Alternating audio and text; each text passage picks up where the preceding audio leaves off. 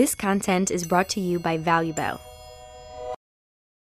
ברוכים הבאים לדרך הלוחם עם ערן ברט, אני מאוד מאוד שמח לארח היום את uh, חיים גוזלי, חיים מבכירי הלוחמי, לוחמי ה-MMA בישראל, uh, אחת מהחגורות השחורות uh, uh, הראשונות בישראל של ג'ו-ג'יטו ברזילאי, אחת מהדרגות הבכירות ביותר, uh, פורץ דרך בתחום הלחימה, מארגן uh, אה, אה, את אירועי הלחימה הגדולים ביותר שהיו בארץ, הביא לפה את, אה, את ה Bellator. אה, ועוד הרבה הרבה תחרויות, אחד הישראלים הראשונים שעשו bare knuckle fights, ובכלל לוחם עם ניסיון אדיר, אני מאוד מאוד שמח לארח כאן את אה, חיים היום, לדבר קצת על, על הדרך שלו בתוך הלחימה, על הדיסוננס שיש בין אה, לחימה והחיים, על הרצון, הצורך, המוטיבציה להמשיך ולהילחם, איך מגייסים את המוטיבציה הזאת, אה, על לגדל בן שהוא לוחם MMA ועל הדיסוננס שיש בתוך, בתוך זה, אמ, על החיים בארץ כלוחם. ועוד כהנה וכהנה. אהלן חיים, שמח שאתה פה. יותר מדי דברים. הרבה דברים. כן, מה קורה? בסדר גמור.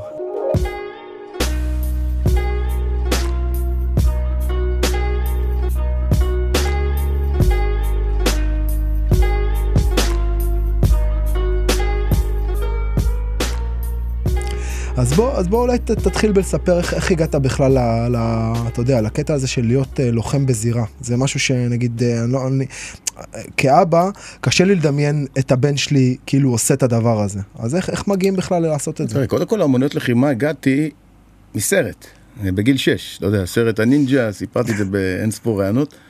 ראיתי את הסרט הנינג'ה, היינו כמה חבר'ה מהבית ספר, באנו אליי הביתה, אתה יודע, בגיל 6-7 כזה, וראינו את הסרט הנינג'ה עם הלבן והשחור. אמרנו, יואו, חייבים להיות נינג'ות.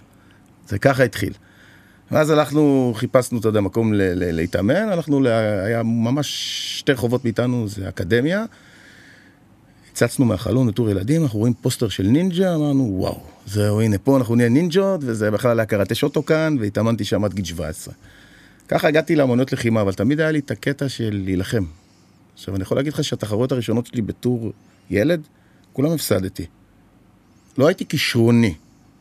אני כל הזמן דבר הייתי צריך לעבוד קשה, וכל החבר'ה שהיו איתי, אותו חבר'ה שהיו, כולם היו מקומות ראשונים, תמיד היו מנצחים, ואני הייתי ה... יותר הצ'אבי הזה, שמנסה ומנסה ומנסה. באימונים פרטיים עם המאמן, אתה יודע, דברים שלא היו בתקופות שלנו, לעשות אימון פרטי עם מאמן. אבל השקעתי את זה, כאילו השקעתי בזה והשקעתי בזה עד שאתה יודע, זה הפך להיות חלק ממני. אה, היום מי שרואה אותי אומר, וואו, איזה כישרוני. אבל זה לא היה, זה לא היה, בכלל בילדות לא היה כישרון. הכל עבודה הייתה. איך, מה, מה, מה השאיר אותך שם? כאילו, אני חושב היום על ילדים אצלי שהולכים לטורניר, מפסידים, מפסידים, זה ילד שיש לו סיכוי גבוה ל, ל, לפרוש או לנטוש את התחום. אתה יודע, א', היום שאני רואה את זה, זה האופי שלי, יש לי אופי של uh, לוחם. אתה יודע, אני כל דבר שאני רוצה, אני נלחם עד הסוף. זה כנראה, זה אחד מהתכונות. רצית את זה. רציתי להיות נינג'ה. אתה יודע, זה מצחיק. ואז uh, בגיל 17 התגייסתי למשמר הגבול, הייתי, אתה יודע, במשמר הגבול, שער שכם וכל זה, אתה יודע, אז לא היה אימונים, אבל כבר הגעתי לחגורה שחורה, כאילו, אתה יודע, ב-17-18 כזה. בקראטה. קראטה, כן, שוטוקן. כשהשתחררתי מהצבא, אתה יודע, הלכתי לבועז וחלפו. אתה יודע, אמרתי, אני חייב להתחרות. ושם כאילו התחיל להיות, השוטוקן הפך להיות כאילו לחימה אמיתית, אתה יודע, כי שוטוקן, בסופו של דבר זה אומנות לחימה, אתה יודע, אין לה קשר ל... קרבות, אתה יודע, כמו שאנחנו מכירים היום. לקרבות זירה, או כן, כאילו למציאות. כן, יש את הקרבות שלהם, אתה יודע, עם הסימונים וזה, זה לא מה שאנחנו רגילים. ומי זה, זה בועז וחלפו? בועז הולצמן, כולם מכירים, חלפו מסיקה, כולם מכירים, הם אה, היו עושים את האגרוף תאילנדי בזמנו. שהם בעצם, המכון שלהם מוקם בבת ים, והם הראשוני, אפשר להגיד שהם הראשונים שעשו אגרוף תאילנדי. כן, עכשיו, אתה יודע שעשו את האדפטציה, את המעבר הזה. מה הקטע הכי מצחיק? שהמקום שלהם היה באותו מקום שעשיתי קראטה כל החיים. הם לקחו את אותו מקום, כאילו, אני סך הכל, אתה יודע, המשכתי שם בגוף תאילנדי. שם כבר, אתה יודע, נחשפתי לעולם הקרבות, אתה יודע, אמיתי, ועשיתי את כל השינוי. להיות לוחם, אבל עוד פעם, זה עמידה, לא היה אז לא MMA ולא ג'ו-ג'יצו ולא כלום, אתה יודע, רק אבושידו התחיל אז. אה, וכבר התחלתי לנצח תחרויות. הגעתי לתחרות קראטה והתחלתי לנצח, אתה יודע, אליפות ישראל, כל מיני ארגונים שהיו אז, אתה יודע, הם לא קיימים בכלל. מה עשה את ההבדל בין, בין ההפסד לניצחון? אתה יכול לשים על זה את האצבע? לא בגיל הזה. היום אני יכול לשים על דברים אחרים שבטח נגיע אליהם בהמשך, אבל אז לא, אתה יודע, דעתי לא הייתי כישרוני. אה, ואתה יודע, כל, ככל שהרצון שלי היה גדול להיות מה שאני רוצה להיות, אז הפכתי להיות כישרוני. זה לא כישרוני, אני לא קורא לזה, נגיד הבן שלי נולד כישרוני, כי הוא גדל בתוך זה, אתה זוכר אותו, היינו מתאמנים עם הילד, הוא גדל לתוך זה, אז הוא, הכישרון נטבע בו, אני לא. אני התאמצתי בשביל זה, אתה יודע, והתאמצתי, וזה לקנות ספרים, ואתה יודע, לא היה קלטות וידאו אפילו בזמנים, לראות ספרים של קראטה, ולעשות גמישויות כל היום, רק... כנראה שזה עשה את השינוי, אבל כשהתבגרתי כבר, אז אתה יודע, אז אתה בוגר, אתה יודע. אתה כבר יודע מה אתה רוצה, והרבה יותר קל, זה אחרי צבא כבר. ל-MMA וכל זה, הגעתי ב... ב... עוד פעם, גם כן מהראשון בארץ, אני חושב. הגעתי לזה ב... גם במקרה הכי... בגלל שלקחתי אליפות ישראל בקראטה, אז הפכתי... הקרב גמר שלי היה נוקאוט. אתה יודע, זה היה קרב הגמר, אתה יודע, סוף התחרות, ואני טק, טק, טק, ובום, נופק למישהו בעיטה על הפנים, והוא נופל, ואז נהייתי כאילו, אתה יודע, כל בת ים, וואי, גוזלי, גוז... אתה יודע איך זה בת ים? גוזלי, גוזלי. ונהיה לי כאילו שם בבת ים כזה, ואז הלכתי לספריית וידאו, אתה יודע, כמו שאני לוקח כל הזמן סרטי וידאו.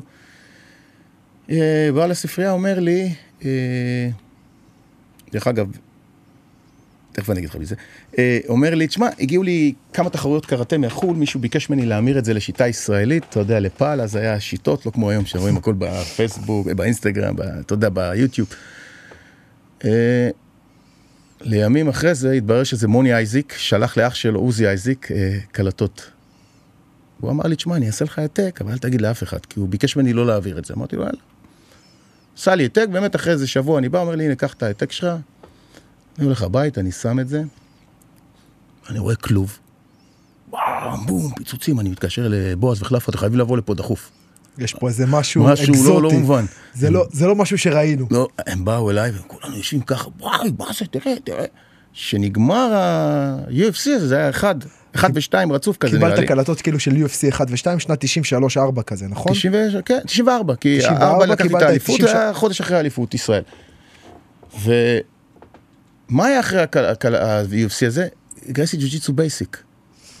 זה היה כאילו ביחד, הוא הביא לו את זה כאילו, תראה את השיטה, כי אז מוני גם עשה את האבולוציה כנראה, מהג'ודו וזה. תראה את השיטה כאילו, ואנחנו לא הבנו את זה. אתה יודע, והם אומרים, בואנה, תראה אותו מוריד את כולם לרצפה, מחנה רונק אותם, אתה יודע, אבל לא הבינו את זה כאילו. אני גם לא הבנתי, אבל נמשכתי לזה, אתה מבין? אבל פתאום קלטת שיש פה איזה משהו. יש בו משהו אחר. ואתה יודע... זה כאילו קיבלת את, ה... את התוכניות לאייפון 1, איך שהאייפון 1 יוצא, קיבלת את התוכניות. עוד לפני שהוא יוצא. עוד לפני שהוא לא יוצא. לא יצא בעולם, אבל לא הגיע לישראל. כן, לא הגיע, אתה יודע, זה כאילו אנחנו מאחורה שם. ואתה יודע, עכשיו, אה, מה אני עושה עכשיו? איך אני לומד את זה? אשתי פה, ורד, הייתה אז חברה שלי, לפני 25 שנה, הייתי אומר לה, שימי את היד כמו שהוא שם. נשבע לך ככה, ואתה, אז רגע, תזיזי ככה, ואני הייתי זז ועושה. וזה, אתה יודע, הייתי מתרגל עליה את התרגילים, אתה יודע, זה ה basic. ואז איך אני עושה את זה אבל? אני מתקשר ליעקב דאבול, יעקב בר היום. יעקב, אני רוצה ללמוד את הקרקע. תבוא. הייתי בא אליו עם uh, עוד חבר'ה. יעקב מאמן, מאמן ג'ודו. מאמן ג'ודו, כן. Uh, היה נותן לי תרגילים של ג'ודו, אני הייתי עושה את התרגילים שלי, וככה, אתה יודע, והייתי, ואתה יודע, התחלתי, התחלתי, התחלתי, ואז אני וורד נסענו לארה"ב. נסענו לטיול, לוס אנג'לס. זה היה ככה. מה שאני אומר לך עכשיו זה לא מומצא, וכמה ששמע לך הזוי, זה לא, אין דבר כזה. אנחנו במוטל בלוס, בלוס אנג'לס, אני אומר לה, תשמעי, דפי זהב יש אז. אין, אין, אין, אין אינטרנט, אין, אין, אין טלפונים. אתה לא יכול לחפש כאילו כן, BJJ לוס אנג'לס. כן, דפי זהב, אתה יודע, במלון, יש לך כן. בכל חדר. אמרתי לה, בוא נחפש, אני רוצה לראות אם יש פה את הג'ו-ג'יצו. אני פותח ככה את הספר, נשבע לך. גרייסי ג'ו-ג'יצו טורנס. ככה, פתחתי. אמרתי, זהו, נוסעים מחר לשם. נסענו, איך שאנחנו נכנסים. שזה אני... גרייסי ג'ו-ג'יצו טורנס זה כאילו ה headquarters של כן, ה... כן, זה ראש גרייסי, הוריון גרייסי. זה כל ה... אז, כל... אז הם היו כולם עוד ביחד. בדיוק. זה לפני ה... זה כל המשפחה, שם הם עשו גם את כל הסמינרים שלהם ל law enforcement, זה כאילו היה שם המקה... הם עשו גם את כל ה... זה, in action, אתה יודע, כל הצ'אלנג'ים, זה כל, הכל שם. הכל, כאילו כל מה שהדור שלנו גדל עליו בעצם, ה... האורים והתומים, כאילו המקה של הג'ו-ג'יצו, שזה בכלל, עוד פעם, לחשוב על זה בקונטקסט הזה, שזה ה-UFC מגיע כל האנשים הטובים מכל השיטות מגיעים, והג'ו-ג'יצו הברזילאי בום מתפוצץ. אבל מי עשה את ה-UFC? אוריון גרייסי, ו- הוא המציא את זה. וזה, וכאילו המקום? הזה שאתה פותח זה, כאילו, אתה יודע, אני רק מספר, מס, מספר למאזינים, זה, זה כאילו המקה של, שם הדבר מומצא בעצם. זה, זה לא רק שמומצא שם, אלא גם את ה-UFC הוא המציא שם, וזה ה-UFC עוד שלו בזמנים האלה. הוא עוד לא מכר אותו, וזה הפך להיות תאגיד כזה ענק וזה. זה עוד שלו שם. כאילו, אני נכנס, עוד ה-UFC שלהם. מטורף. מי יוצא מולי איך שאנחנו נכנסים? רויס גרייסי. אתה יודע מה זה בשבילנו רויס גרייסי בתקופות ההם? בום. אגדה. אני ישר בא, באתי מישראל, וואו, טק, טיק, טק, באמת קיבלו אותי, תבוא לאימון בערב וזה, וכל האימון רויס איתי. אז זה עוד היה נורמלי, לא אנטיפט. אה, באמת, כל האימון הוא היה איתי, ואימן, והכניס לי את כל ה basic, באמת, כל הדברים שלמדתי כאילו בהקלטות, הכניס לי אותם, וחזרתי לארץ, ומאז זהו, התפוצץ לי הג'ו-ג'יצו. ומאז, אתה יודע, הפך הג'ו-ג'יצו נהיה חלק ממני. עם השנים, אתה יודע, טסתי כבר לרנזו גרייסי, ושם... איך, איך, איך, איך התחברת לרנזו גרייסי? היום אתה, היום אתה בעצם עומד ב, בראש אה, אה, איגוד שנקרא רנזו גרייסי, ש, שרנזו הוא אחד מה... אה, בני דודים בוא נגיד של, ה, של, ה, של המשפחה הגרעינית והוא בעצם מייצג ארגון ג'יוג'יצו שמהגדולים בעולם ואתה ראש, ה, ראש האיגוד הזה בישראל, רנזו גרייסי ישראל. אה, ואיך איך אתה מייצר את הקשר איתו ומה מה ייחודי אולי בקשר הזה? הוא בדיוק כמוני, אותו סוג של בן אדם. אתה יודע, לוקח את הכל בסטלבט, צוחק, זה, אין לו את הרצינות הזאת שנגיד יש לרויס, או לאוריון, או לריקסון, הוא הכל, הכל על הדרך. ובגלל על זה התחברנו. הזאת, לפעמים באומניות לחימה כאילו יש את המקום הזה של המורה הפרסונה שלו הופכת להיות מאוד מאוד רצינית כאילו משהו מאוד רציני כזה אני מחזיק באיזה ידע ובגלל זה אולי צריך לכבד אותי יש איזה דיסטנס אולי לא, אין אצלו. אין אז, אצלו. אז בעצם כולנו אצל. רנזו יש משהו אחד. מאוד קליל כולם אחד, כולנו אותו דבר. אתה חגורה לבנה, אתה בדיוק כמוהו, ככה הוא מתייחס לכולם, וזה היופי בו. אה, אז אין את ההיררכיה הזאת שכאילו ייכנס וכולם, כולם יבואו, ילחצו לו ידיים וכולם יחפו אותו והוא יעמוד עם בן אדם שרק בא למחור, לאקדמיה להירשם ומסתכל על האימון, הוא יעמוד אותו שעתיים ויצחק איתו ויספר לו בדיחות והבן אדם רק מזה יתפנט. אה, אני הכרתי אותו ב-95, שנה אחרי שהיית שם כן, פעם ראשונה. הוא כבר פתח את הבית ספר הראשון שלו בניו יורק, זה היה בגודל ה... הח, החדר הכחול נכון? לא, זה לפני, זה אה, החדר, הכ- זה כאילו המרתף הכחול זה עכשיו, אבל זה היה בגודל החדר הזה, זה היה האקדמיה.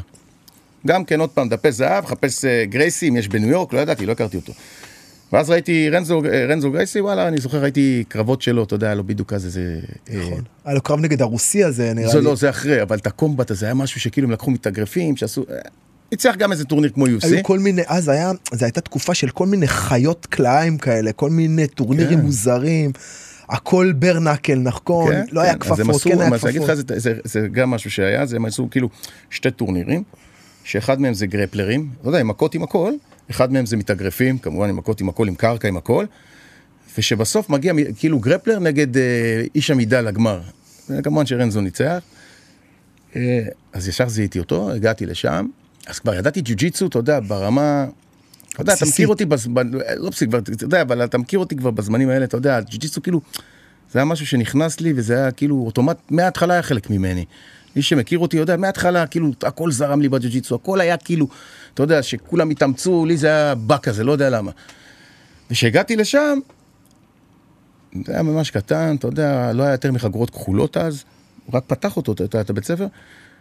ואתה יודע, מה, מה, מה, באתי מישראל, הוא אומר לי, אה, יש פה עוד אחד אה, מדבר עברית, באמת חבר שלי זלמן, עד היום, חברים, כבר מה, אתה יודע, מאז, הוא, הוא, אמר, הוא כאילו אמריקאי, הוא גר שם, אבל הוא גדל בישראל איזה כמה שנים, עזבו, עזבו שהיה ילד. חברתי איתו, ואז, אתה יודע, התחיל את האימון, ואז יש קרבות בסוף האימון. אני בא ומכניע, בום, מכניע טוב, מכניע טוב, בא לי רנזו, אומר לי, בואנה, מאיפה אתה יודע את הג'ו-ג'יצו? אמרתי לו, אני קניתי את הקלטות שלך, את ה-12 קלטות שעשית, ולמדתי. אמר לי, לא יכול להיות. אמרתי לו, באמת? וככה התחילה החברות ביני לבין רנזו. ומאז, אתה יודע, זה כבר רק התפתח, התפתח, התפתח, התפתח, ואנחנו כמו, אתה יודע, אז בעצם אתה, אתה איתו כאילו כ- 20 שנה, 20 שנה, כן. וואו. 20 שנה. אתה יודע, אני לא, אתה, אתה מכיר אותי, אתה גם מכיר אותי מהתחום. אני לא מאלה שמחליפים. אני לא אלך להתאמן באף מקום אחר אם אני בניו יורק, רק אצל רנזו, כמובן אם אני בעיר אחרת וזה, אתה יודע, אז אני אלך לנסות דברים אחרים, אבל תמיד אני רנזו גרייסי, תמיד הייתי, אף פעם לא עשיתי, אתה יודע, אתה זוכר, אף פעם לא עשה לי חיים גוזלי, אה, ג'ו-ג'יצו, לא היה לי את הדברים האלה, תמיד זה היה רנזו גרייסי עם גוזלי, תמיד. מה המשמעות שלו כמורה עבורך? כלומר, מה הוא נתן לך כמורה? הכל, הכל. אני חושב שבגלל האופי הדומה התחברנו, אה, הוא נתן לי את כל הג'ו-ג'יצו, שזה חלק מהחיים שלי, הוא נתן לי את ה... איך להיות חברמן, אתה יודע, בקטע המצחיק, אתה יודע, אתה מכיר, אתה יודע, מכיר אותי. הוא נתן לך בעצם גם, אני תמיד הכל אצלי. גם הכוונה כאילו מקצועית, אבל גם איזשהו מודל אישי, כאילו. ברור, ברור. הוא, אני קורא לו המנטור, אח שלי, אני תמיד קורא לו אח, מנטור וחבר. הוא הכל. תחשוב שהוא בא לכל הקרבות שלי בארץ. אה, הוא תמיד דואג, מה אני אבקש ממנו הוא יעשה. מה אני אבקש ממנו? גם אם הוא לא יכול, הוא יתאמץ לעשות לך את זה. הוא מישהו שאתה רוצה שיהיה חבר שלך. כאילו, מדבר על ה... אתה יודע. וגם, אתה יודע, ראיתי אותו צומח. עכשיו, שהוא התחיל בחדר הזה, וזה גדל וגדל וגדל לו 20 וגדל תלמידים, וגדל 30 וגדל. תלמידים. איזה 20, אני לא יודע מה היה שם 10 אפילו. אתה יודע, זה ג'ו-ג'יסו ב-95. 94 רק היה ה-UFC 2. אתה יודע, זה 95 היה עוד, אתה יודע, את ה... אה, אולטימט, אה, אולטימה, אתה יודע, עם דן סבן, זה עוד לא התפוצץ, אתה יודע, זה גם לא התפוצץ אחרי כמה שנים, אבל... אז אתה יודע, והיום אתה בא, יש לו אקדמיה ליד המדיסון סקוויר גארדן, זה המרתף הכחול שאמרנו. יש לך שם שלוש קומות, חדרים בלי הפסקה, כלובים, אה, זירות, אה, משקולות. אתה יודע, ראיתי אותו גודל גם. רנזו. מכיר אותו, לא? הכי מצחיק בעולם. אז, אז זה בעצם ההתחלה שלך, ומתי אתה מחליט שאתה, שאתה מתחיל לעשות, שאתה הולך לעשות אה, קרבות MMA? לא, מההתחלה היה. מההתחלה, גם עוד לפני, גם כשנסעתי, ב, אני חושב ב-95, כבר, כבר היה לנו נראה לי בארץ כמה תחרויות. כאילו שאני ארגנתי כאלה, ולטודו. בושידו, כן, כזה. כאלה לא קשורות לאחד לשני. עשינו בבת ים, אני חושב, אה, אני לא חושב, בטוח. אה, אה, יכול, אני לא זוכר את השנים. כל אחד נותן לי שנה אחרת, שרן נקש התחרה שם, ורן נכון. קאושינסקי התחרה שם, ואני התחרתי שם. ועוד פעם, כולם פירקו במכות, ואני בא- באתי עם הג'ו-ג'יצו, אתה יודע, לא ידעו מה זה. ואבי נרדע גם הביא תלמידים אז, ואז הם גם הביאו את הג'ו-ג'יצו. אתה זוכר את סמי פרנקל, מהקיוקו שינקאי, הגיע לגמר, ואתה יודע, ו... כל ה... זה, אנחנו מדברים פה ממש על ההתחלה של, ה, של הסצנה, של הסצנת ה-MMA בישראל. זה, מן, זה מה זה התחלה, זה אפילו, התחיל- אתה חושב שאפילו לפני ההתחלה. ואז רענן טל הביא את ה- את הקרבות זה הרבה פרי שנים אחרי, פייט. כן, אבל זה אחרי, אתה מדבר כבר באלפיים וכאלה. כן, אני נכון. מדבר איתך 95, 6, 7, כן. לא ידעו מה זה בכלל. 97 באו, אם אתה זוכר, האבסולוט פייט לישראל. עשו מבחנים עם אה, איגור ווצ'נצ'ין, שעשו בנוקיה גם. נכון, נכון. והלכתי להיבחן, זה היה האירוע הגדול הראשון שהיה. כן, אבל זה היה הכל תוצרת חוץ, לא היה, אין- לא היה קשר אלינו. אני הלכתי להיבחן, עברתי את המבחנים, ואז הם אומרים לי יום לפני הקרב, כאילו יום לפני התחרות, אתה רוצה להתחרות מחר? אתה, אתה לא מוכן, אתה לא כלום, ואני חושב שגם הייתי צעיר וקצת אה, עם חששות לגבי ה-MMA, כאילו, ה- אתה יודע, המקצועי. אה, וזה גם, בגלל ידיים חשופות, אתה יודע, כן. זה לא... אה, אמרתי, מה, יום לפני, וכמה אתם משלמים? אמרו, זה כמה מאות שקלים. אז הייתי עם רמי שרון, אם אתה זוכר. היה גם מאמן ג'ו-ג'יצו, בזה ב... בקריית אונו. ואמר לי, מה חיים, למה אתה צריך את זה? תראה מה אתה, בשביל כמה מאות שקלים, לא התאמנת, לא כלום. ובאמת הם הביאו לי כרטיסים לבוא לראות, ראינו את זה, אתה יודע, ואז התחילו להתפתח כאילו התחום יותר, ואז רענן נכנס, ואז כל התחרויות ג'ו-ג'יצו, והבאתי את אבו דאבי עם הזמן, אתה יודע, והתחלנו כאילו לבנות את הצצנה כולם ביחד. בוא, בוא, בוא נדבר שנייה על, על, על מה המוטיבציה. מה המוטיבציה שלך להיכנס לתוך זירה, שבעצם אתה נכנס לזירה הזאת, אתה יודע איך אתה נכנס, אתה לא יודע איך אתה יוצא. נכון? זה סוג של תאונה, אתה נוסע עם האוטו על מקפצה, וייתכן שאתה קופץ ואתה, כולם מראים לך בקהל ואתה יוצא סבבה, וייתכן שאתה לא לא יוצא. סבבה. כאילו, והמתח הזה הוא בעצם מתח שהוא כל הזמן נמצא שם. אז מה המוטיבציה להיכנס לתוך מקום כזה, לתוך מרחב כזה? קודם כל זה היה להוכיח שאני יכול. התחיל בלהוכיח לעצמי גם, אתה יודע, עוד פעם, שמה? אמרתי לך, אני להוכיח גדלתי לעצמך לא- שמה? להיות, שאני רציתי להיות לוחם תמיד. שאתה יכול בעצם, אני יכול להיות לוחם, אני יכול להיות כמו מה שכול, שאני רואה ואני אוהב, אני יכול להיות כזה. אתה יודע, לא היה לנו את זה ברמות האלה, לא יכולנו לטוס לתחרויות, לא הטיסו אותנו לתחרויות, כאילו, אתה יודע, ארה"ב וזה, אתה רוצה לבוא, תטוס. עכשיו היינו ילדים, אתה יודע, צעירים, אז לשלם 1,500, 1,600 כרטיס ומלון, אתה יודע, לא היינו בשלים לזה אז. זה לא כמו היום, אתה קונה כרטיס טס, אתה יודע. אה, אז אף ארגון לא רצה אותנו, אתה מבין? אף ארגון, תמיד, את כולנו. אז היינו צריכים לעבור לארה"ב בשביל לרצות, להתח... כאילו, בשביל נוכל, שנוכל להתחרות. זה תמיד היה קודם כל להראות. ואז הבנתי שאני אוהב את הקרב. אני אוהב את ההרגשה, אני אוהב את הריגוש, אני אוהב להיכנס לזירה, אני אוהב לשמוע אותם צועקים, אני אוהב לקבל את המכות, ואני אוהב לדעת מה, וכאילו התוצאה, מה יקרה. ואתה יודע, התוצאה בשבילי זה לא הניצחון, זה מה אני עשיתי בקרב. אתה יודע, כמה קרבות שהפסדתי, גם פה בנוקיה, במנורה. אבל זה היה בשבילי מה עשיתי בקרב, אתה יודע, התאמצות, והזה, ולא נכנעתי, אתה יודע, זה, זה מה שזה יצר, יצר אותי כאילו. זה לא כאילו עובר לי. להעמיד את עצמך באיזה פוזיציה כזאת של קושי, שהוא לא רק קושי פיזי, הוא גם בעצם קושי רגשי, מנטלי. מנטלי. ו- כי יש את החשש הזה ויש את ההתרגשות הזאת וזה, ואז לשים את עצמך בתוך זה ולדעת שאתה יכול לעבור את זה בעצם. כן. זה איזשהו סוג של להוכיח לעצמך שאתה... קודם כל, זה דרך הלוחם. דרך הלוחם. מה? מה היה סמוראי עושה? אבל בסופו של דבר זה היה להילחם, אבל זה עד המוות. אז כאילו, אם אני רציתי להיות נינג'ה ורוצה להיות לוחם, אז אני, לא, אני אפחד ממה שאני רציתי להיות, אתה מבין? וזה היה אחד הדברים שגם לקחו אותי. אני לא יכול לפחד ממשהו שאני רוצה לעשות. עכשיו, מתי הבנתי את הצד המנטלי יותר? לא הרבה שנים. 2017, שהתחל, שנהיה לי קריירה פתאום בבלאטור. הבנתי שיש דברים שאני צריך לעבוד עליהם בעצמי. והלכתי לפסיכולוג ספורט, כמובן בארצות הברית, כי הייתי הרבה, אז התקופה שאתה יודע, רוב הזמן הייתי שם. אה, שאגב, פסיכולוג ספורט, עוד פעם, לדור שלנו, אם אתה מדבר נגיד שנת 2000, היית אומר ללכת לפסיכולוג אה, ספורט, זה...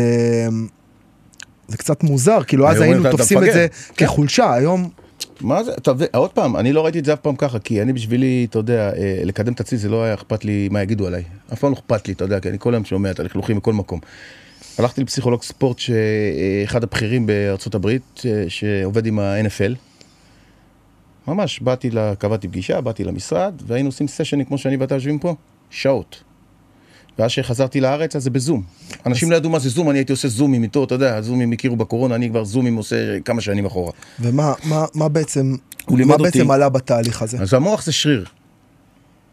הוא לימד אותי איך, איך, אתה, איך אנחנו מתאמנים. מה אנחנו מתאמנים? אתה מאמנים טכניקות, מאמנים זה, הוא מאמן אותך איך לאמן את המ- את המוח. אתה מאמן את השריר, הוא מאמן את המוח. תן לי דוגמה למשל למשהו שהוא עשה איתך. מה זה פחד? אתה עכשיו עומד, רואה את הקהל, אתה מפחד, מה זה פחד? אם אתה מקבל את הפחד ומבין שזה הרגש שאתה צריך להרגיש עכשיו, אז אתה לא מפחד מזה. אז זה לא מביא אותך למקומות שהוא מביא אותך, כאילו הפחד מביא אותך, לא, מה קורה? הבא הפחד מביא אותך, זה נקרא המונקי הד. המונקי הד אצלם זה נקרא, זה הראש של הקוף, כאילו אתה מתחיל, וואו, ואז הראש מתחיל לחשוב. ומדבר כזה קטן אתה יכול להפוך אותו לוואו.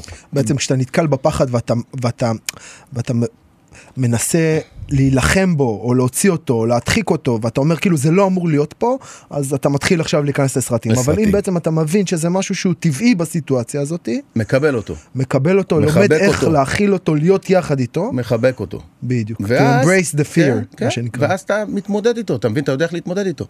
אה, אז איזה תרגילים הוא עשה לך של. דמיון מודרך, שאתה יושב, אתה הכל, מדמיין, הכל, עברתי הכל, אני עברתי כמעט חמש שנים על זה, שתבין. הכל. אני יודע הכל. אני לא הוסמכתי כ... אתה יודע, פסיכולוג ספורט, אבל אני יכול לעבוד איתך הכל. אחד הדברים שאני מספר הרבה, שזה עוזר, זה לקחת את הבעיה ולכתוב אותה. עכשיו אתה כתבת את הבעיה מולך. יותר קל לך לקרוא אותה ולמצוא לה פתרונות מאשר לשבת ולחשוב עליה ואז אתה הולך לאיבוד עוד הפעם. וככה הייתי פותר דברים, אתה מבין? אוקיי, אה, כתבתי מלא ספרים כאלה, מלא, מחברות שלמות אני כותב. אה, נגיד סתם, אתה יודע, להיכנס לזירה, מה מפחיד אותך בלהיכנס לזירה? אוקיי, הקהל, קהל. אוקיי, ה... סתם אני אומר, זה שמורח את הווזלין, אה, שהשופט עומד באמצע וצועק. מה יגרום לי לא לפחד מזה עכשיו? אז אתה פותר את זה ממש כמו בעיה, ואז כשאתה קורא את הפתרון, יותר קל לך להכניס אותו. וזה אחד הדברים ש... שאני נעזר בהם הרבה. דמיון מודרך כמובן, זה הרבה עושים, אתה יודע, זה נהיה פופולרי, אפילו באימונים, אתה יודע. אה, אבל לכל דבר יש להם, פרוטוקול. כן, לכל דבר. ממש לכל דבר, לפחד, לשמחה, לחששות, ל... אתה יודע, וזה הכל, בסופו של דבר זה לא נהיה ספורט, זה נהיה חיים, אתה מבין? אז למדתי את זה בשביל הספורט, וזה הפך להיות דרך, כאילו, דרך חיים. אתה מלמד את זה ילד, אז הוא כבר יודע איך להתמודד עם ראיון עבודה, ויודע איך להתמודד עם הצבא, ויודע איך להתמודד עם בבית ספר. שזה נהיה, אתה יודע, וזה הצד המנטלי, שהוא, לדעתי היום, בגיל שלי, בוא נגיד ככה, הוא יותר חשוב מה... מהצד הפיזי, מהצד אתה מבין את. החשיבות שלו בעצם.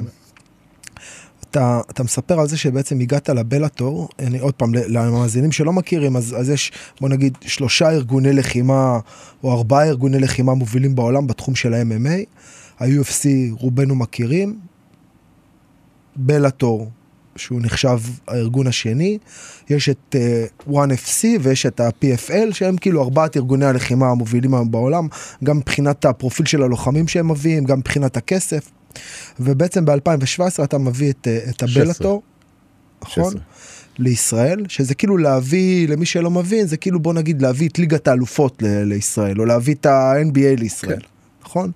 ואתה מביא אותם, אמ, ואתה עולה להילחם בארגון הזה, שזה פריצת דרך אה, מטורפת אה, בקנה אה, מידה ישראלי, אבל ב- אתה עושה את זה כשאתה בן כמה? 43. 43, שזה בדרך כלל גיל שאנשים כבר לא פורשים, אלא הם כאילו פרשו לפני חמש שנים, נכון? פרשו בגיל 35, 6, כאילו. אז עוד פעם, בגלל, ה... אתה יודע, בגלל כל מה שעברתי בחיים וכל הזה, אתה יודע, משהו שקפצנו גם, לא היה לי, שנפצעתי איזה תקופה עם דקירות, אתה זוכר, אז לא עשיתי ניתוחים, אז לא יכולתי, כאילו הקריירה נעצרה לי באיזה שלב מסוים. אמרתי לעצמי, וואלה, יש לי הזדמנות פעם אחת בארגון השני בגודלו בעולם. לעלות לקרב מול הקהל הישראלי, שלא עליתי פה, חוץ מתחרויות ג'ו-ג'יצו, אתה יודע, בזמנים של פעם, לא עליתי פה לאף קרב, אתה יודע, רציני. אבל הגיע הזמן. אמרתי, וואלה, זה בשבילי. ובעצם מכאן- אתה, אתה, אתה חובש גם את הכובע של המפיק של האירוע, אתה גם מפיק את האירוע, מארגן את ההגעה של, ה, של ההפקה הזאת לישראל, שעוד פעם, מי שלא מבין, הפקה כזאת בסטנדרט אמריקאי, כאילו זה בעצם מגיע לך, זה לא שאתה עכשיו בא, סוחר מה שאתה רוצה, מביא אנשים, אומר הנה אני אביא את האיש הגברה שלי, הנה אני אביא את האיש לא, תאורה, לא, לא. זה הכל סטנדרט אמריקאי, זה תיק, תיק לך- מטורף של סטנדרט, של פרוטוקולים. שולחים ש- לך הכל, מה, איך זה צריך להיראות, איך זה צריך להיות, מי צריך להיות, למה צריך להיות, זה הפקה של מעל אה, מיליון דולר. אז אתה גם חובש את הכובע של המפיק, אבל אתה גם מתחרה באירוע, שזה כאילו... אז אני ביקשתי להיות קרב ראשון. אמרתי, אתה יודע, קרב ראשון, אני אסיים את זה, מה, אתה יודע, אני אסיים את הקרב, אני יכול להמשיך את ההפקה של האירוע. אה, אתה יודע, עוד פעם, לא התחרתי הרבה זמן בגלל הפציעות ובגלל הדקירות, שעברתי ניתוחים בידיים וכל זה. אה, הביאו לי איזה יריב אמריקאי, אתה יודע, גם כן מתחיל. אה, לא זוכר כמה זמן, עשיתי לו בריא אחרי, אתה יודע, אילוק. ניצחתי אחרי. זה הסיבוב הראשון, ניצחתי באילוק. ואז כאילו המשכתי להפיק את האירוע. ואז כאילו, אתה יודע, פתאום הקהל הכיר אותי. לא יודע, הקהל שכבר לא, אתה יודע, לא הכיר אותי, כי הייתי הדור הישן. הכיר אותי. Uh, האירוע כמובן היה בהצלחה מסחררת, ואני חושב, שנה אחרי זה, 2017, אני גם אמור להתחרות. אבל עוד פעם, אני אמור להיות בין הראשונים. אה, פיטבול אמור להיות main event, אם אתה זוכר את האירוע הזה, נועד אמור להיות co-main event, אה, הכל כבר מוכן, אנחנו כבר כולם בארץ, ואז פיטבול נפצע. אני אומר לך, כאילו. אה, עוד יומיים האירוע, מתקשר אה, הבעלים, אומר לי, תשמע, יש לנו סלט חבל על הזמן, פיטבול לא יכול לעלות ל main event, אני מעביר את נועד main event, אני מעביר אותך מה undercard, אני שם אותך co-main event. אני בשבילי בגיל 44, קו-מיין איבנט, אתה יודע, בלאטור, כל השלטים הופכים להיות פתאום המיין איבנט נועד, ואז גוזלי, אתה יודע, בעננים, מה אכפת לי, אתה יודע, אני מבסוט. זה הקרב ששברתי את השיא עם ההכנעה, אם אתה זוכר, עם ה... שברתי את השיא של המקום השני בהכנעה הכי מהירה בבלאטור, 43 שניות. ואז בכלל התפוצצתי בקהל. אני יוצא מהאירוע, עומדים בחוץ איזה 200, ילדים, גוזלי, גוזלי, אתה יודע, צועקים לי. ושם זה התפוצץ. חצ... כמה חודשים אחרי זה היה להם את המדיסון סקוויר גרדן, אומרים לי, אתה רוצה לבוא להתחרות במדיסון? בטח. אתה יכול למכור כרטיסים במדיסון? בטח.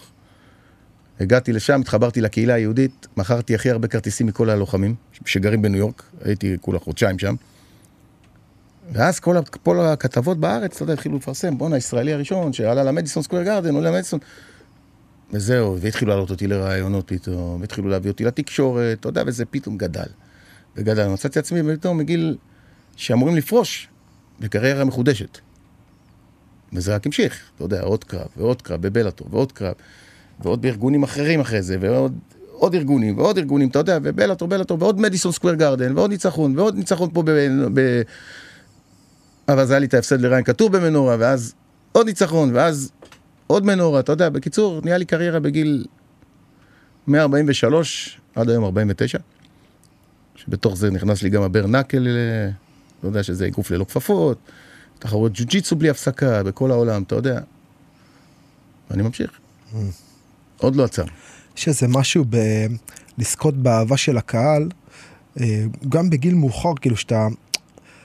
דיברת בהתחלה על להוכיח לעצמי, כאילו שאני יכול, נכון? וכאילו יש איזה משהו בהכרה החיצונית הזאת שכאילו נותן לך איזושהי גושפנקה, איזשהו סטמפה כזאת של אתה, אתה טוב. ומצד אחד זה נראה לי משהו שהוא מאוד מאוד אה, עוטף ומפנק ונעים, ומצד שני יש בזה גם משהו שהוא קצת ממכר. כאילו, ואז כשאנחנו מדברים על זה שזה ממכר, כאילו אתה מתחיל לרצות את זה, אתה, אתה מתחיל לצרוך את זה, להיות, כאילו אתה כבר צריך את זה. ויש בזה איזה משהו שהוא... זה הדבר הקשה. אתה מגיע לפיק של עשר אלף איש בנוקיה צורכים, לא עוזבים אותך, למחרת בבוקר אתה קם. זהו, ששש, אף אחד לא מדבר איתך יותר. אז העיתונים ידברו איתך יומיים אחרי, וזהו. אתה מבין? נגמר. אז אתה רוצה עוד אחד. מה קורה? אתה מבין? אז עם בלאטור לא יכולים להביא לך, אז אתה הולך לאיזה ארגון באוקראינה, הולך לאיזה ארגון, ב, אתה יודע, קטן בארצות הברית, הולך לאיזה קרב אה, super fight, הולך, אתה, אתה רוצה את זה כל הזמן, אתה מבין? זה, זה הדבר. זה למה זה מסוכן לצעירים. זה מרגיש קצת כמו סיפור כזה של אה, דוגמניות, אני עושה כאילו, אתה יודע, או כדורגלנים, או כאילו להיות באור הזרקורים אבל חזק, ואם אתה לא אפוי מספיק מבפנים כדי להכיל את השפע הזה, אז השפע הזה הוא קצר. ואז פתאום הוא נגמר, היופי חולף או משהו כזה, ופתאום, ופתאום אתה בלי זה. ואז אתה מוכן לעשות המון דברים רק כדי לקבל קצת מזה וזה חזרה. וזה ריקנות ברמה שאתה לא יכול להבין אותה. זה ריקנות. מה אני עושה? מה אני עושה עכשיו? אתה מבין? מה, מה? אתה קם בבוקר, אין לך מה לעשות, אתה מבין? אתה רוצה משהו, אתה מבין? וזה היה, זה, היה, זה היה ממכר בזה. אני אגיד לך שאני עברתי אבולוציה עכשיו בגלל הפוליטיקה וכל זה, אז אתה יודע, הפכתי להיות הלוחם היהודי, העוצמה היהודית של הלוחם, עם הפוליטיקה, שאני, אתה יודע, אה, ימני, אז הקהל מחבק אותי בכל מקום. היום אתה הולך איתי ברחוב, זה סלפים, זה צילומים, זה זה. אז כאילו הגעתי לאיזה מקום, שגם אם אין לי עכשיו את הקרב, אבל יש לי את האהבה של הקהל שאני הולך ברחוב. וזה מטורף. ברמה שלא היה... דבר זה אתה יכול לראות רק כדורגלנים או כדורסלנים שהגיעו לרמה כזאת שכל מקום יצטלמו איתם וכל מקום ידברו איתם, אז זה קצת ממלא לי. אז היום אם אין קרב, אתה יודע, אני מחפש את הקרב תמיד. אבל אתה יודע. אתה לא חושש מההשלכות של להמשיך לעשות את זה, כלומר גם כשאתה מתבגר, שהגוף מתבגר, אני יודע, אנחנו, אנחנו חולקים דרך משותפת הרבה זמן, אני יודע איזה מחירים שילמת על זה ברמה, ברמה של הבריאות שלך. שאתה יודע, אתה מתיישב, אתה לא יכול לקום, ואתה צריך ללכת עכשיו לבית חולים לעבור ניתוח, כאילו, כן. יש מחירים, אתה לא, אתה לא חושש מהמחירים האלה? תראה, אני שם, אני לא יכול לעצור. אתה יודע, תיקח מה שאני אוהב, אז מה אני? אני אוהב את זה, אתה יודע, כל עוד אני מצליח, אני לא מדבר על ניצחון או הפסד, אתה יודע, זה לא משנה אם אני אנצח או אפסיד, אבל כל עוד אני מצליח, אז אני אעשה את זה. כמובן שהיום אני פחות מתאמן, וכמובן שהקרבות יותר קלים, אני לא... עוד פעם, עשיתי ברנקל, זה לא שעכשיו זה... אבל אתה יודע, לא יביאו לי היום, אה, אני לא רץ לאליפות, אז אתה יודע, אני נהנה מהקרב, אז אני, אתה יודע, זה בהתאם, mm. אתה מבין? אה, הברנקל זה היה בשבילי, אתה יודע, זה האתגר הכי רציני שעשיתי בחיים, יותר מהכל. למה? אני כבר שנים לא עשיתי עמידה. כל הקרבות שלי אני מוריד לקרקע, אתה יודע, אני עובד עמידה, אבל לא בקטע של זה. וזה היה כאילו להפוך אותי למתאגרף, מכלום. אתה יודע, ועוד מתאגרף ביד, בידיים חשופות. אז זה עוד אחד מהאתגרים, אתה מבין? כאילו ש... אני רוצה להוכיח לעצמי. Uh, מעבר לזה, אתה יודע, עברתי את כל הפציעות האפשריות. עברתי ניתוח במיניסקוס, עברתי ניתוח רצועות בכף רגל, עברתי ניתוח בגב, בחוליות. Uh, עברתי ניתוחי אף כמה פעמים, החלפתי את כל השיניים, עברתי ביד חמש ניתוחים, אתה יודע, אין לי עצב ביד, לא מרגיש אותה. עברתי כל ניתוח אפשרי, אתה יודע, ששייך לפציעות, והנה אני חוזר. לא עצרתי אף פעם. אז שאתה מספר את, ה, את כל המחיר הזה שהגוף שלך כאילו משלם. עכשיו אני עושה איזה מעבר. איך זה שאתה נותן כאילו לבן שלך, מברך אותו ואפילו כאילו מכווין אותו ברמה מסוימת, לעשות את הדבר הזה. כאילו, אתה אומר, הבן שלך גודל, ומי שלא מכיר, הבן של, של חיים אביב הוא גם לוחם, לוחם ישראלי שמתחרה בחו"ל, עשה קרבות בבלאטור, מי, כילד צעיר. ו- ועוד פעם, אם אני חוזר חזרה גם למקום הזה שאתה מדבר, שאתה מבין כמה אור הזרקורים והסיטואציה הזאת יכולה להשפיע. אני רואה את זה. רואים, רואים, את ה... אז- רואים אז- את זה, בגיל אז- צעיר זה לא טוב, אם אתה לא חזק זה לא טוב. מה זה לתת לו? אתה יודע, זה לא שעכשיו אה, הכרחתי אותו להתאמן, אתה היית איתנו מתאמן על הגג נראה לי וזה, אתה יודע, שהוא היה בא, מסתכל, אה, עושה לנו בלאגן והולך, אתה יודע, הוא לא, הוא נכנס לזה לבד, זה לא שעכשיו היינו בחברה, בוא בוא, אתה חייב להתאמן. והוא נכנס לזה, אתה יודע, טיסות ללאס וגאס, אה, קרבות, פה, שם, אתה יודע, בכל העולם, פתאום, אתה יודע, אז הוא, הוא, הוא נמשך לזה בסוף. בסופו של דבר הוא רצה להיות לוחם. אני אמרתי לו, תכף תלמד, יהיה לך יותר קל. לא, אמר לי, אני רוצה להיות לוחם, אמרתי לו, זה הרבה יותר קשה. אתה גם צריך לאמן את המוח וגם את הגוף, ביחד, באותו סחרון. לפחות, אתה יודע, אתה הולך ללמוד בבית ספר, אתה מאמן רק את המוח.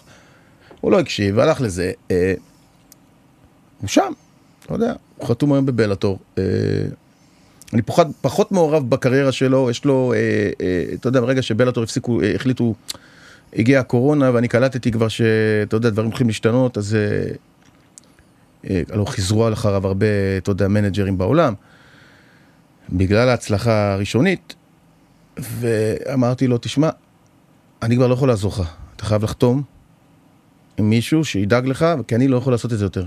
אני קולט מה קורה ב... עם הארגון, אני לא יודע מה יהיה המקום שלי, ואני לא יכול לעזור לך. והוא חתם עם uh, ה manager של uh, רנדי קוטור, של... Uh, הוא היה גם של רונדה ראוזי, אתה יודע, הוא היה של uh, ג'ינה קראנו, איך קוראים אתה יודע, uh, סמואל.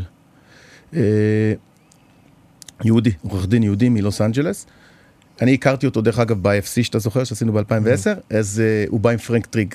Mm. ושם הכרתי אותו ושם נרקמה החברות, ודרך אגב הוא, הוא חיבר ביני לבין בלאטור גם. וואלה, הוא בא עם פרנק טרינג ש- שעשה קרב עם אה, רועי נאמן. רועי נאמן. קרב קשוח. והוא גם חיבר אותי עם בלאטור בסופו של דבר, אתה מבין? זה גם קטע, כאילו, אתה מבין, לפעמים אתה עושה מהלכים בחיים, והכרת איזה מישהו שאחרי 6-7 שנים הביא לך פה את כל הסצנה בסופו של דבר, כאילו, בעזרת הקשר שלו. והחתמתי אותו, אז אני כבר לא מעורב, אתה יודע, ההחלטות של הקרבות שם, הדברים שם, זה הכל הם עושים לבד, אתה יודע, יש לו את הצוות המנהל שלו, את הכל. אתה מבין? ו... זהו, אז אתה יודע, אז קשה גם להסתכל מהצד, אתה יודע, יש קרבות שאני לא יכולתי להגיע לשם, אז אני רואה אותם בטלוויזיה. אני חושב שאתה עומד ורואה את הקרב שלו בטלוויזיה. אה, קשה. כאבא זה לא מייצר לך דיסוננס? כאילו זה לא מייצר לך שם איזה תהייה, מחשבה, אם זה הדבר שנכון לעשות, או שאתה מבין אותו כי אתה הלכת בדרך הזאת ואתה לא, מבין זה לא את קשור הצורך אליי שלו. בכלל. אני לא הכרחתי אותו להיות שם, הוא בחר בזה לבד, אבל אני מבין אותו. כאילו, אם הייתי עורך דין, אז בטח הוא היה רוצה להיות עורך דין. אתה יודע, אם הייתי, לא יודע, כל דבר שהייתי עושה, בטח הוא היה רוצה להיות, כי הוא גודל בשם. זה מה שהוא יודע. אבל לפעמים הוא מאשים אותי גם. בגללך אני שם, מה בגללי? מה אתה רוצה ממני? אני דחפתי אותך, אתה באת עליי בגיל 17 וחצי, אמרת לי, אני רוצה לעשות קרב בבלטו, אמרתי לך, אתה צעיר, לא, תשחק אותה שאני 18, הם לא ידעו. והוא עלה לקרב, אתה מבין? אני אפילו לא, לא תמכתי בזה, אתה מבין? אבל, לא יודע, ילדים, אז זה לא, אין לי, אתה יודע. אין לי, לא היה לי מילה בזה, אבל אתה יודע, עוד פעם, אני עושה את זה, אז אני גם לא מפחד מזה, אתה יודע. אתה יודע, שאתה, כאילו, אתה עושה משהו, אתה לא מפחד ממנו, אתה יודע, אז... אבל יותר, יותר, יותר אה, מפחיד אותי שאני רואה אותו נלחם, כאילו, ב, ב, בוא נגיד במנטלי, אני יותר לא רגוע בחדרי הלבשה, ואני יותר לא רגוע בז, בפינה, ואני, אתה יודע, אני לא, אתה יודע, זה לא, אתה מבין, זה לא אני, אני, כן. אתה אתה, אז אתה משתלט על זה, אבל שזה הוא, אתה לא יכול להשתלט על זה. זה אולי, אולי נושא אחרון כזה, בוא, בוא נדבר על המעבר מלהיות לוחם ללהיות מאמן. פתחת אקדמיה, יש לך בעצם אה, מכון בבת ים בתקופה האחרונה, ויש איזה פער בין ה... להיות לוחם, שזה אומר אה, הרבה פעמים להתאמן עם החבר'ה הכי טובים שיש, בארץ, בעולם, תשמע, להיות אצל, אה, להיות אצל רנזו, להתאמן עם דנאר, להתאמן עם סט פייר, להתאמן עם, עם החבר'ה הכי טובים, ואז לעשות את המעבר של להיות מאמן, שזה דורש ממך סט אחר של יכולות ואיכויות, במיוחד שאתה פותח, ואתה יודע, מי שמגיע אליך בהתחלה הרבה פעמים, זה לא הטופ של הטופ של הטופ.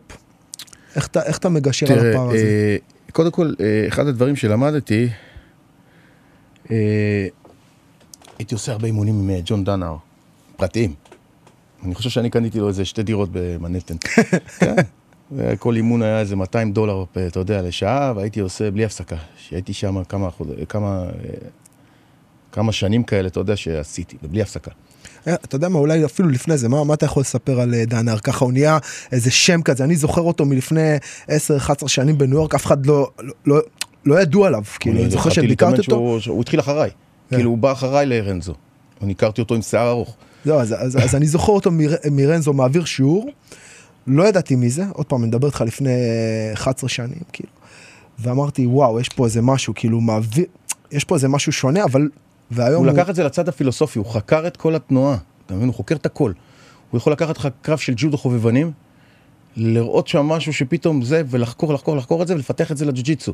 הוא ממש בנה, בנה את זה, את הדברים. והצורה שהוא מלמד זה, זה כמו לפרק כל תרגיל ל-100 חלקים. וזה מה שלמדתי ממנו. עכשיו, שאני אסביר לך ג'ו-ג'יצו היום, זה לא... זה בדיוק על הנקודות. טק, טק, טק, טק, טק, טק, טק, טק, ככה, אתה מבין? כאילו להרכיב את זה. זה מה שלמדתי ממנו, בגלל זה אני רואה שאנשים שבאים אליי לפרטים וזה, מתלהבים מה... מהאימון. לעשות עכשיו, כאילו, אתה יודע, לאמן קבוצות, קשה לי.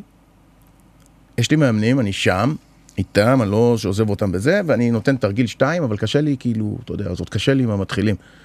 אתה יודע, אני כן. בראש שלי, אתה צריך לדעת הכל, אתה יודע, וקשה לי להסביר לאנשים ש... בייחוד הג'ו-ג'יצו. כן. כי יש, כי יש כל כך הרבה דברים שמבחינתך הם uh, כאילו כן, כבר לא, כל כך טבעיים, שלך שאני, תסביר אותם. אתה מבין, אני לא יודע, כאילו זה לא בא לי אפילו איך להסביר את זה. לך תלמד כאילו מישהו איך ללכת. פה בשביל לעשות את זה וזה וזה, אתה מבין? אבל כן. הם לא יודע את זה גם, אתה מבין? אז קשה לי, אבל אתה יודע, יש לי מאמנים, אחלה מאמנים. אז מה, מה היית רוצה, כאילו, בוא נגיד, אם אתה מסתכל קדימה עוד עשר שנים, מה היית רוצה שיהיה לך? שמע, אקדמיה כמו של אה, הנזוק, אתה יודע, מפוצצת באנשים, שאנשים יבואו, יתאמנו, אתה יודע. לא, אני בונה את זה עכשיו, אתה יודע, רק התחלנו, מה, אני כמה חודשיים? רק התחלנו וגם היה לנו, אתה יודע, חגים בדרך, אתה יודע, כל היום עצמאות, זה, זה, זה, אז גם לא הייתי פתוח כל הזמן.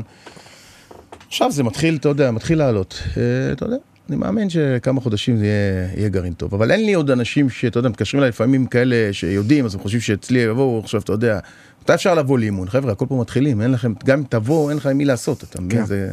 כן, זה משהו שצריך לבנות אותו ולהתפתח כן. לתוכו. זה ייקח זמן, אתה יודע, אלא אם יבואו כמה, אתה יודע, שמבינים, ואז נפתח קבוצה של, אתה יודע, של כבר יודע, אתה יודע, של לוחמים. אבל כרגע זה עוד לא שם, אתה יודע.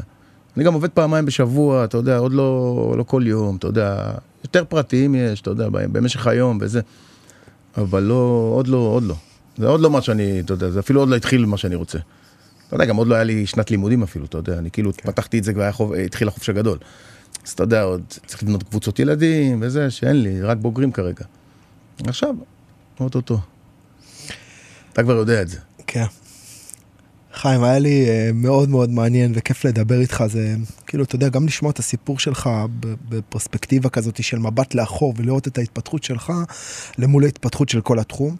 וגם uh, זה משהו שאני אומר את זה הרבה, אתה יודע, לאנשים שמקיפים אותי, כאילו, אפשר לא להסכים עם uh, דעה או עם משהו של בן אדם, או עם איך שהוא עושה, אבל בסופו של דבר את המעשים שלו, אה, אי אפשר להתווכח איתם, ואתה... אמ, אה, אה, אני חושב שזה קשה מאוד להסביר לאנשים מה זה אומר לעלות לזירה בשלב בחיים שהוא לא ילד בן 25, אלא מישהו שכאילו כבר חווה דברים ולהתגבר על הקושי ועל הפחד ועל החשש ולנצח את עצמך בעצם, כמו שאתה אומר דרך הלוחם, כן. לנצח את עצמך. אמ, זה משהו... אה, שמאוד אה, ראוי להערכה. בסופו של דבר היריב הכי חזק שלנו זה אנחנו. נילחם בשדים, נילחם בפחדים, נילחם בכל מה שאנחנו, אתה יודע. כן, ובשאיפה שלך להיות יותר טוב ולשייף את עצמך.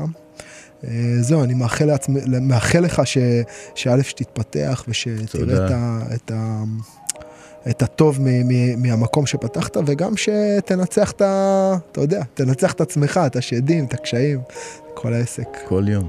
רוס גדול, תודה שבאת. תודה. רוס חיים. תודה.